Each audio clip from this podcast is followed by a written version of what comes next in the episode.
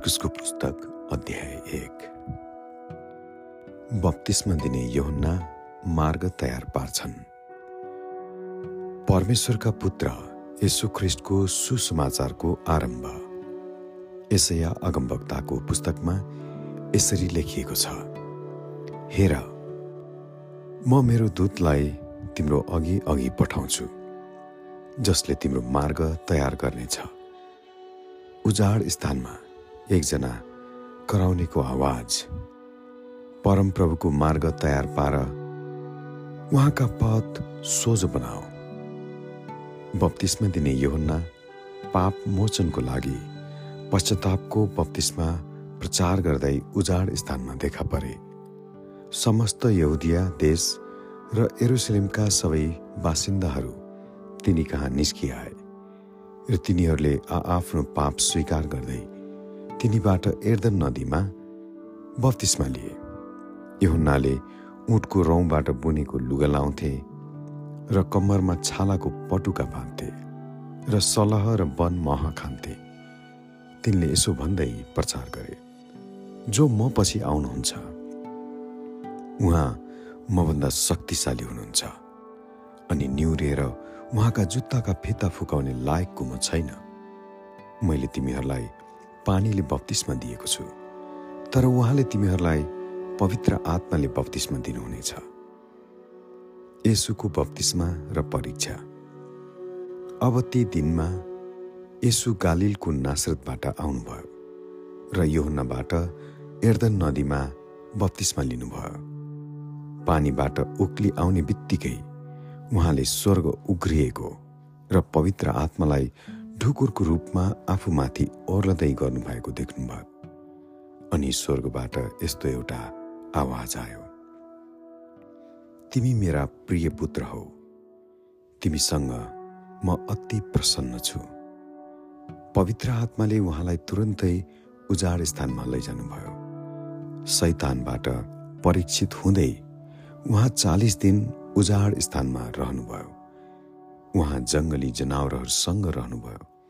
र स्वर्गदूतहरूले उहाँको सेवा टहल गरे। चेलाहरूको बोलावट। अब यहुन्ना पक्राउ परेपछि परमेश्वरको सुसमाचार प्रचार गर्दै यसु गालिलमा आउनुभयो। उहाँले भन्नुभयो समय पुरा भएको छ र परमेश्वरको राज्य नजिक आइपुगेको छ। पश्चाताप गर र सुसमाचारमा विश्वास गर। गालिल समुद्रको किनार किनारै जाँदै हुनुहुँदा उहाँले सिमोन र तिनका भाइ आन्द्रियासलाई समुद्रमा जाल हानिरहेका देख्नुभयो किनकि तिनीहरू जालहारी थिए। यसुले तिनीहरूलाई भन्नुभयो मेरो पछि लाग र म तिमीहरूलाई मानिसहरूका जालहारी बनाउने छु तिनीहरूले तुरन्तै आफ्नो जालहरू छोडे र उहाँको पछि लागे अनि अलि पर गएपछि उहाँले जब्दियाका दुई छोरा याकुब र योहन्नालाई डुङ्गामा बसी जाल तुनिरहेका देख्नुभयो। उहाँले तुरन्त तिनीहरूलाई बोलाउनु भयो र तिनीहरू आफ्ना पिता जब्दियालाई ज्यामीका साथ डुङ्गामा छोडेर उहाँको पछि लागे। अशुद्ध आत्मा भएको मानिस तब उहाँहरू कफरनुहुममा जानुभयो र तुरन्तै सभा तिनमा सभाघरमा पसी उहाँले शिक्षा दिन लाग्नुभयो अनि तिनीहरू उहाँका शिक्षामा चकित भए। किनकि उहाँले तिनीहरूलाई शास्त्रीहरूले जस्तो होइन तर अधिकारसँग सिकाउनुहुन्थ्यो। त्यही बेला त्यस सभाघरमा अशुद्ध आत्मा भएको एकजना मान्छे थियो। त्यसले यसो भन्दै चिच्यायो हे नासरतका यसु हामीलाई तपाईँसँग के सरोकार? के तपाईँ हामीलाई सर्वनाश पार्नलाई आउनु भएको हो। म तपाईँलाई चिन्छु। तपाईँ परमेश्वरका पवित्र जन हुनुहुन्छ। तर यसुले त्यसलाई यसो भन्दै हकार्नुभयो चुप लाग र त्यसबाट निस्किजा। त्यस मान्छेलाई लच्छार पछार पार्दै त्यो अशुद्ध आत्मा ठुलो स्वरले चिच्चाएर त्यस मान्छेबाट निस्किगयो। तब सबैजनाले अचम्म माने र तिनीहरू यसो भन्दै आपसमा सोधासोध गर्न लागे। यो के हो? यो त नयाँ शिक्षा रहेछ। यिनले त अधिकारसँग अशुद्ध आत्माहरूलाई पनि आज्ञा गर्छन् र तिनीहरूले यिनका आज्ञा मान्दा रहेछन् अनि चाँडै नै यसुको कृति गालिलको इलाका वरिपरि चारैतिर फैल्यो। धेरैजना निको भएका। अब उहाँ तुरुन्तै सभाघरबाट निस्केर याकुब र योहन्नाका साथमा सिमोन र आन्द्रियासको घरमा पस्नुभयो सिमोनकी सासु ज्वरोले थला परेकी थिइन् र तिनीहरूले झट्टै उहाँलाई तिनको विषयमा भने। उहाँले नजिक आएर तिनको हात समाति तिनलाई उठाउनु भयो र ज्वरोले तिनलाई छोडिहाल्यो अनि तिनले उहाँहरूको सेवा गरिन्। त्यो साँझ घाम डुबेपछि मानिसहरूले उहाँ कहाँ बिरामीहरू र भूत लागेकाहरू जम्मैलाई ल्याए। सारा सहर नै घरको ढोकामा जम्मा भएको थियो। अनेक किसिमका रोगले ग्रस्त भएका धेरै बिरामीहरूलाई उहाँले निको पार्नुभयो र धेरै भूतहरूलाई निकाल्नुभयो। तर भूतहरूले उहाँलाई चिनेका हुनाले उहाँले तिनीहरूलाई बोल्न दिनु भएन। एकान्तमा यसुको प्रार्थना बिहान उज्यालो हुनुभन्दा धेरै अघि उठेर उहाँ बाहिर एकान्त ठाउँमा जानुभयो। र त्यहाँ प्रार्थना गर्नुभयो। सिमोन र तिनीसँग हुनेहरू उहाँलाई खोज्दै गए। उहाँलाई भेट्टाएपछि तिनीहरूले भने सबैले तपाईँलाई खोजिरहेका छन्। तब उहाँले तिनीहरूलाई भन्नुभयो आओ हामीहरू नजिकका अरू सहरहरूमा जाउँ र त्यहाँ पनि म प्रचार गर्न पाऊँ किनकि यसैको निम्ति म आएको हुँ। अनि सारा गालिलमा तिनीहरूका सभाघरहरूमा प्रचार गर्दै र भूतहरूलाई निकाल्दै उहाँ हिँड्नुभयो। कुष्ठरोगी निको पारिएको। अनि एकजना कुष्ठरोगी उहाँका आएर घुँडा टेक्दै यसो भनेर बिन्ती गर्यो। तपाईँले इच्छा गर्नुभयो भने मलाई निको पार्न सक्नुहुन्छ तब दयाले भरिएर उहाँले आफ्नो हात पसारी त्यसलाई छुनुभयो र त्यसलाई भन्नुभयो। म इच्छा गर्दछु। तिमी निको भइजाऊ। त्यति नै बेला त्यसको कुष्ठरोग त्यसबाट हट्यो र त्यो निको भइहाल्यो अनि उहाँले त्यसलाई कडा आज्ञा दिएर यसरी भनी तुरुन्तै पठाउनु भयो। हेर तिमीले यो कसैलाई नभन्नु तर गएर तिमी आफैलाई पुजारीहरूका देखाऊ र तिमी निको भएकोमा मानिसहरूका प्रमाणको लागि मुसाको आज्ञा बमोजिम बलि चढाऊ। तर त्यो निस्किएर गयो। अनि यस विषयमा खुल्लम खुल्ला प्रचार गर्न लाग्यो। र यसो फेरि सहरमा खुलस्त प्रवेश गर्न सक्नु भएन र एकान्त ठाउँहरूमा रहनुभयो। तर मानिसहरू चारैतिरबाट उहाँ कहाँ आए? आमेन।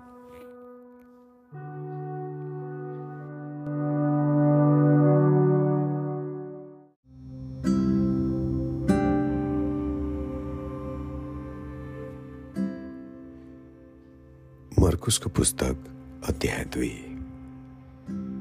एकजना पक्षघाती निको पारिएको। केही दिनपछि उहाँ कफर्नहुम फर्कनुभयो। अनि मानिसहरूले उहाँ घरमा हुनुहुन्छ भन्ने सुने।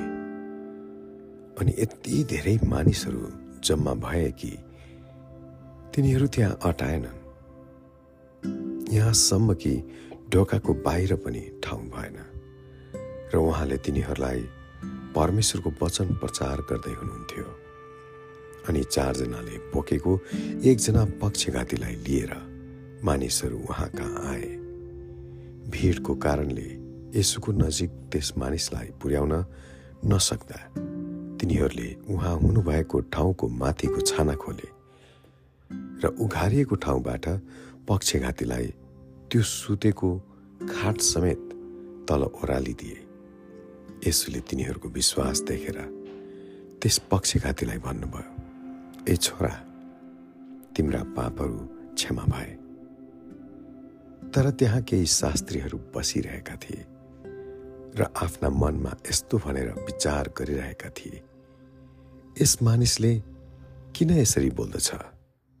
यो त ईश्वर निन्दा हो। केवल एक अर्थात् परमेश्वरको बाहेक अरू कसले पाप क्षमा गर्न सक्छ? अनि तिनीहरू आपसमा यसरी विचार गर्दछन् भन्ने यसोले तुरुन्तै आफ्नो आत्मामा थाहा पाएर तिनीहरूलाई भन्नुभयो किन तिमीहरू आफ्ना मनमा यस्तो विचार गर्दछौ? पक्षघातीलाई तिम्रो पापहरू क्षमा भए भन्नु कि? उठ तिम्रो खाट उठाएर हिँड भन्नु। कुन चाहिँ सजिलो छ? तर मानिसको पुत्रलाई पृथ्वीमा पाप क्षमा गर्ने अधिकार छ भने तिमीहरूले जान। तब उहाँले त्यस पक्षघातीलाई भन्नुभयो म तिमीलाई भन्दछु। उठ तिम्रो खाट उठाऊ र घर जाऊ। त्यो उठ्यो र तुरुन्तै खाट उठाएर सबैका सामुन्यबाट गइहाल्यो। यहाँसम्म कि सबैजना आश्चर्यचकित भए। र हामीले यस्तो त कहिले देखेका छैनौँ। भन्दै तिनीहरूले परमेश्वरको महिमा गरे। ले लेवीलाई बोलावट। उहाँ फेरि एकपल्ट समुद्रको किनारमा जानुभयो अनि मानिसहरूको एउटा ठुलो भिड उहाँ कहाँ आयो र उहाँले तिनीहरूलाई शिक्षा दिनुभयो। त्यसपछि जाँदै गर्दा उहाँले अल्फयसका छोरा लेवीलाई कर उठाउनेहरूको ठाउँमा बसिरहेको देख्नुभयो र तिनलाई भन्नुभयो मेरो पछि लाग। तिनी उठेर उहाँको पछि लागे। उहाँ लेवीको घरमा भोजन गर्न बस्नुहुँदा कर उठाउने धेरैजना र पापीहरू पनि यसो उहाँका चेलाहरूका साथमा बसिरहेका थिए। किनकि उहाँ पछ्याउनेहरू धेरै थिए। उहाँ पापीहरू र कर उठाउनेहरूसँग खाइरहनु भएको देखेर फरिसी दलका शास्त्रीहरूले उहाँका चेलाहरूलाई भने तिनी किन कर उठाउनेहरू र पापीहरूसँग बसेर खान्छन्? यो सुनेर यसुले तिनीहरूलाई भन्नुभयो निरोगीहरूलाई वैद्यको खाँचो पर्दैन तर रोगीहरूलाई मात्र पर्छ। म धर्मीहरूलाई होइन तर पापीहरूलाई बोलाउन आएको हुँ। उपवास विषय प्रश्न। योहन्नाका चेलाहरू र फरिसीहरू उपवास बस्दथे। मानिसहरूले आएर उहाँलाई भने योहन्नाका चेलाहरू र फरिसीहरूका चेलाहरू उपवास बस्छन्। तर तपाईँका चेलाहरू किन उपवास बस्दैनन्? यसुले तिनीहरूलाई भन्नुभयो के दुलहा तिनीहरूका साथमा रहन्जेल जन्तीहरू उपवास बस्दछन् त? जहिलेसम्म दुलहा तिनीहरूका साथमा हुन्छन् तिनीहरू उपवास बस्दैनन्। तर समय आउनेछ। जब दुलहा तिनीहरूबाट अलग गराइनेछ तब तिनीहरू त्यस दिन उपवास बस्नेछन्। कसैले पुरानो लुगामा नयाँ कपडाको टालो हाल्दैन नत्र त टालोले कपडा फटाइदिन्छ अर्थात् नयाँ पुरानो बाटो फाटेर निस्कन्छ र फटाइ झन् नराम्रो हुनेछ।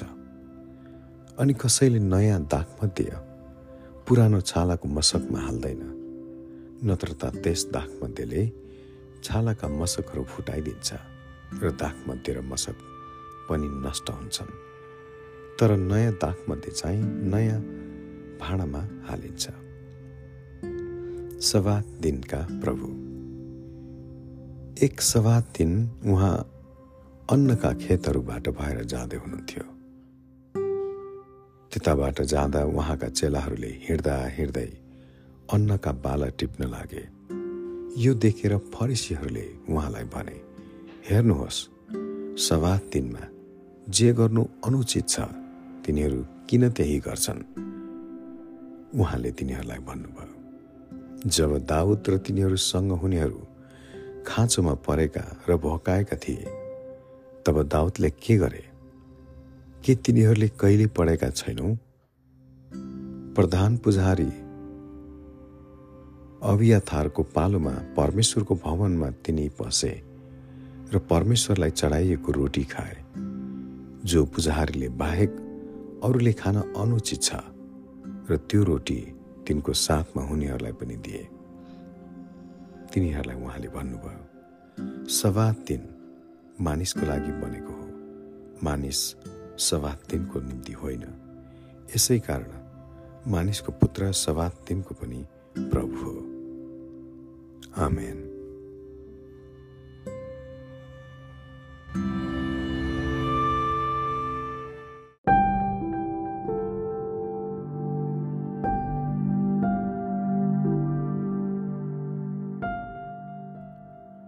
मर्कुसको पुस्तक अध्याय तिन। पछिबाट फेरि उहाँ सभाघरमा पस्नुभयो त्यहाँ सुकेको हात भएको एकजना मानिस थियो। कतै उहाँले त्यसलाई सभा दिनमा निको पार्नुहुन्छ कि भनी उहाँलाई दोष लाउन मानिसहरू उहाँको चेवामा थिए। तब उहाँले सुकेको हात भएको मानिसलाई भन्नुभयो यता हो उहाँले तिनीहरूलाई भन्नुभयो सभा दिनमा भलो गर्नु कि खराबी गर्नु? प्राण बचाउनु कि नाश गर्नु कुन चाहिँ उचित छ? तर तिनीहरू चुप लागिरहे। तिनीहरूका हृदयको कठोरतामा दुखी भई क्रोधित भएर उहाँले तिनीहरू सबैलाई हेर्नुभयो अनि त्यस मानिसलाई भन्नुभयो तिम्रो हात पसार। त्यसले हात पसार्यो र त्यसको हात निको भयो। तब निस्किएर गई उहाँलाई कसरी नाश पारौँ भनी फरिसीहरूले तुरुन्तै हेरोदीहरूसँग उहाँको विरुद्धमा मत मरे। भिडहरूले यसुलाई पछ्याएका। त्यसपछि यसु आफ्ना चेलाहरूसँग समुद्रतिर जानुभयो र गालिलबाट मानिसहरूको ठुलो भिड उहाँको पछि लाग्यो। यहुदिया एरुसेलम इदुमिजा एर्दनपारी र टुरोस र सिदोनमा का वरिपरिबाट मानिसहरूको ठुलो भिड उहाँका अचम्मका कामको कृति सुनेर उहाँ कहाँ आयो? भिडले उहाँलाई नमिचोस् भनी उहाँले आफ्ना चेलाहरूलाई आफ्नो निम्ति एउटा डुङ्गा तयार पार्न लगाउनु भयो उहाँले धेरैलाई निको पार्नु भएको हुनाले रोग लागेका सबैले उहाँलाई छौँ भनिएर ठेलम ठेल गर्थे। जब अशुद्ध आत्माहरूले उहाँलाई देख्थे तब उहाँको अघि घोप्टो परेर यसो भन्दै कराउँथे तपाईँ परमेश्वरका पुत्र हुनुहुन्छ। तर उहाँलाई प्रकट नगर्नु भनी तिनीहरूलाई उहाँले कडा हुकुम दिनुभयो। बाह्र चेलाहरूको नियुक्ति। त्यसपछि यसु डाँडामा उक्लनु भयो र उहाँले चाहनुभएका जतिलाई बोलाउनु भयो र तिनीहरू उहाँ कहाँ आए? आफूसँग रहन र प्रचार गर्न पठाउनलाई उहाँले बाह्रजनालाई नियुक्ति गर्नुभयो र तिनीहरूलाई भूतहरू निकाल्ने अधिकार पनि दिनुभयो। ती बाह्र प्रेरितहरू यिनै हुन्। सिमोन जसको नाउँ उहाँले पत्रुस राख्नुभयो जब्दियाका छोरा याकुब र याकुबका भाइ योहन्ना। उहाँले तिनीहरूलाई बोर्नर्गेस अर्थात् गर्जनका छोराहरू भन्ने नाउँ दिनुभयो। आन्द्रियास फिलिप बार्थोलमाई मत्ती थोमा अल्फयासका छोरा याकुब र थेदियस सिमोनका नानी र यहुदा स्कोरियत जसले उहाँलाई धोका दियो। यसु र बालजिबुल त्यसपछि यसु फेरि घरतिर जानुभयो। फेरि भिड जम्मा भयो। यहाँसम्म कि उहाँहरूले भोजन खान पनि पाउनु जब यसुका परिवारले यो सुने तब उहाँलाई लैजानलाई उनीहरू निस्के किनकि उहाँको मन ठेगानमा छैन भनी उनीहरू भन्थे। एरुसलेमबाट आएका व्यवस्थाका शास्त्रीहरूले भने त्यसमा बालजीबुल भूत छ र भूतहरूको मालिकद्वारा नै त्यसले भूत निकाल्दछ। तर उहाँले तिनीहरूलाई आफू कहाँ बोलाएर दृष्टान्तमा भन्नुभयो। सैतानले सैतानलाई कसरी निकाल्न सक्छ? कुनै राज्यको आपसमा फुट भयो भने त्यो राज्य टिक्न सक्दैन। कुनै घरको पनि आपसमा फुट भयो भने त्यो घर टिक्न सक्दैन।